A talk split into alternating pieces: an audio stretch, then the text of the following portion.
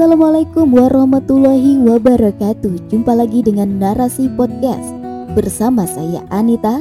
Kali ini di rubrik syiar. Narasi Pos Cerdas dalam literasi media Bijak menangkap peristiwa kunci. Ketika para sahabat menumpahkan kamar Oleh Maria Zawawi Khamar adalah minuman yang memabukkan. Minuman ini dihasilkan dari fermentasi buah, biji-bijian, dan madu. Misalnya buah anggur, kurma, atau biji gandum. Namun, saat teknologi semakin berkembang, kamar tidak melulu dihasilkan dari buah atau biji. Misalnya di Singapura, yang mengolah bir dari limbah air seni manusia. Kamar bisa tahan bertahun-tahun, bahkan ratusan tahun Menurut para peminum kamar, semakin lama kamar disimpan, rasanya akan semakin nikmat. Harganya pun semakin mahal. Itulah sebabnya ada pabrik kamar yang sengaja menyimpan kamar dalam terowongan selama bertahun-tahun. Proses pembuatan kamar sangat rumit. Dibutuhkan ketepatan suhu, kebersihan wadah, dan sebagainya. Jika ada sedikit saja kesalahan, rasanya dan warnanya akan berbeda. Karena itu, perusahaan-perusahaan kamar saat ini menggunakan pengontrolan melalui komputer agar produk yang dihasilkan benar-benar sama. Sebelum Islam datang, masyarakat Arab terbiasa meminum khamar. Minuman memabukkan itu menjadi minuman mereka sehari-hari, layaknya air putih bagi kita. Tidak mengherankan jika setiap orang memiliki persediaan khamar di rumahnya. Mereka menyimpannya dalam wadah-wadah semacam kendi Para sahabat seperti Abbas bin Abdul Muthalib, Abdurrahman bin Auf, dan Umar bin Khattab juga terbiasa minum khamar. Meskipun demikian, masyarakat memandang hal itu sebagai perbuatan tercela dan menurunkan wibawa. Sebab mabuk akan menyebabkan hilangnya akal. Khamar yang mereka konsumsi berasal dari bahan-bahan yang berbeda.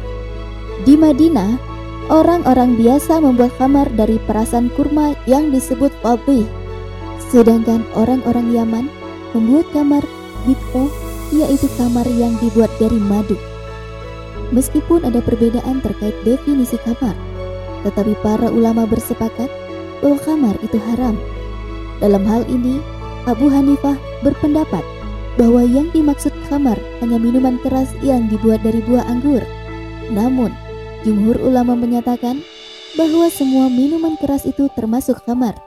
Pengharaman khamar dilakukan secara bertahap.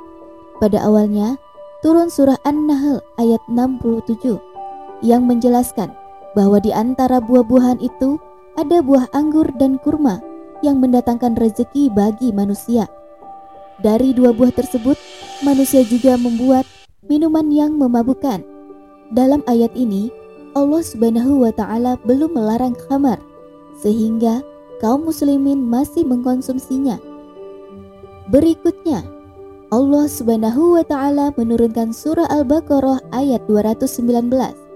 Ayat itu turun setelah Umar bin Khattab dan Mu'ad bin Jabal meminta fatwa kepada Rasulullah Sallallahu alaihi wasallam. Mereka mengeluhkan efek negatif dari minum khamar.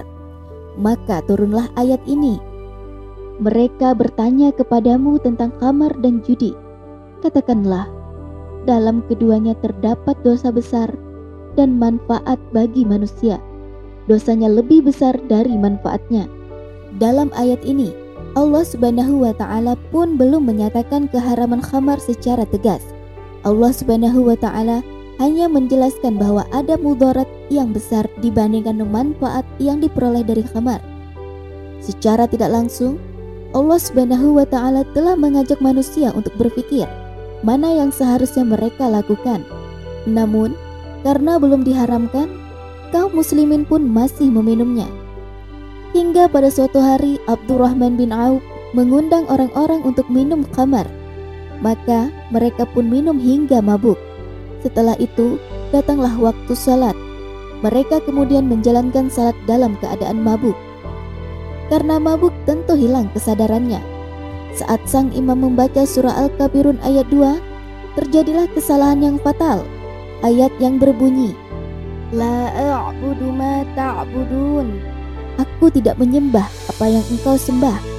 Itu dibaca, A'budu ma ta'budun. Aku menyembah apa yang engkau sembah.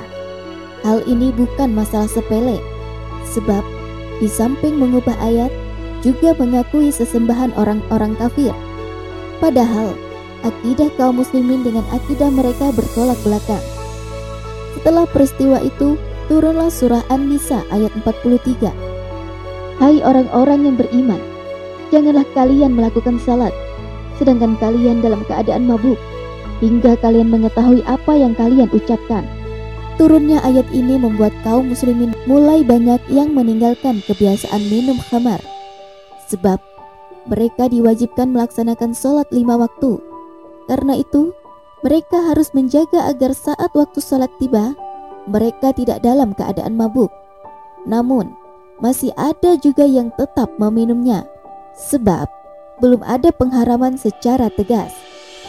Suatu hari, beberapa orang Ansor dan Muhajirin berkumpul untuk minum khamar.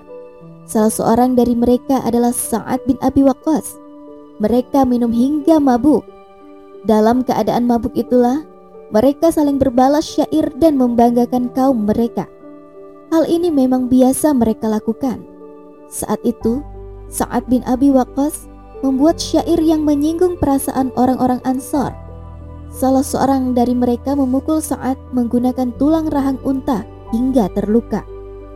Peristiwa itu disampaikan oleh Umar bin Khattab kepada Rasulullah Sallallahu Alaihi Wasallam. Umar bin Khattab juga memanjatkan doa kepada Allah Subhanahu Wa Taala agar diberi penjelasan yang memuaskan tentang khamar. Maka turunlah surat Al-Maidah ayat 90. Hai orang-orang yang beriman, sesungguhnya khamar, judi, berkurban untuk berhala, serta mengundi nasib dengan panah, termasuk perbuatan setan. Maka jauhilah agar kalian menjadi orang-orang yang beruntung. Pengharaman kamar ini terjadi pada tahun ketiga Hijriah, yakni ketika terjadinya perang Uhud. Dengan turunnya ayat ini, Allah Subhanahu wa taala telah mengharamkan kamar secara mutlak. Setelah Allah Subhanahu wa taala melarang kamar, kaum muslimin pun menerima hal itu. Mereka pun dengan ikhlas dan penuh kesadaran meninggalkan kebiasaan buruk yang telah menjadi tradisi tersebut. Mereka pun menunjukkan komitmen atas syahadat yang telah mereka lakukan. Syahadat yang menyatakan bahwa mereka hanya menjadikan Allah Subhanahu wa taala sebagai sesembahan. Karena itu, mereka harus taat terhadap aturan-aturannya. Syahadat itu juga menyatakan bahwa mereka mengakui bahwa Nabi Muhammad Sallallahu Alaihi Wasallam adalah utusan Allah Subhanahu Wa Taala. Maka apa pun yang dibawa oleh beliau harus mereka ikuti, meskipun hal itu tidak sesuai dengan kesenangan mereka. Karena itu, ketika para sahabat mengetahui turunnya ayat yang mengharamkan khamar, mereka langsung berhenti. Padahal saat itu mereka tengah duduk-duduk sambil minum khamar. Maka Kamar yang ada dalam gelas yang mereka genggam itu pun mereka tumpahkan. Tak cukup dengan hal itu, mereka pun segera membuang semua kamar yang mereka simpan. Kemudian mereka berkata, "Kami berhenti, wahai Tuhan kami." Maka pada hari itu, kamar pun ditumpahkan di halaman-halaman rumah dan jalanan. Tidak ada rasa sayang sedikit pun terhadap minuman yang sebelumnya sangat mereka sukai. Hal itu tidak lain karena ketaatan mereka kepada Allah Subhanahu wa taala dan Rasulullah Shallallahu alaihi wasallam. Lihatlah betapa mudahnya mereka menghentikan kebiasaan yang telah mengakar kuat itu. Betapa kuat keimanannya sehingga mereka tinggalkan kesenangannya tersebut karena ingin mendapatkan ridha dari Tuhan mereka. Semestinya, inilah sikap yang dimiliki oleh kaum muslimin saat ini. Jika mereka yang awalnya terbiasa minum khamar saja mampu melakukannya, tentu akan lebih mudah bagi umat Islam yang saat ini telah mengetahui keharaman khamar sejak kecil. Seharusnya mereka mengingat Allah Subhanahu wa taala telah menjanjikan bagi mereka di surga minuman lezat yang tidak akan membuat mereka mabuk. Dalam surah Asy-Syaffat ayat 45 hingga 47, Allah Subhanahu wa taala berfirman, Diedarkan kepada mereka gelas yang berisi khamar dari sungai yang mengalir. Warnanya putih bersih, sedap rasanya bagi orang-orang yang meminumnya. Tidak ada di dalamnya unsur yang memabukkan. Wallahu alam bisawab.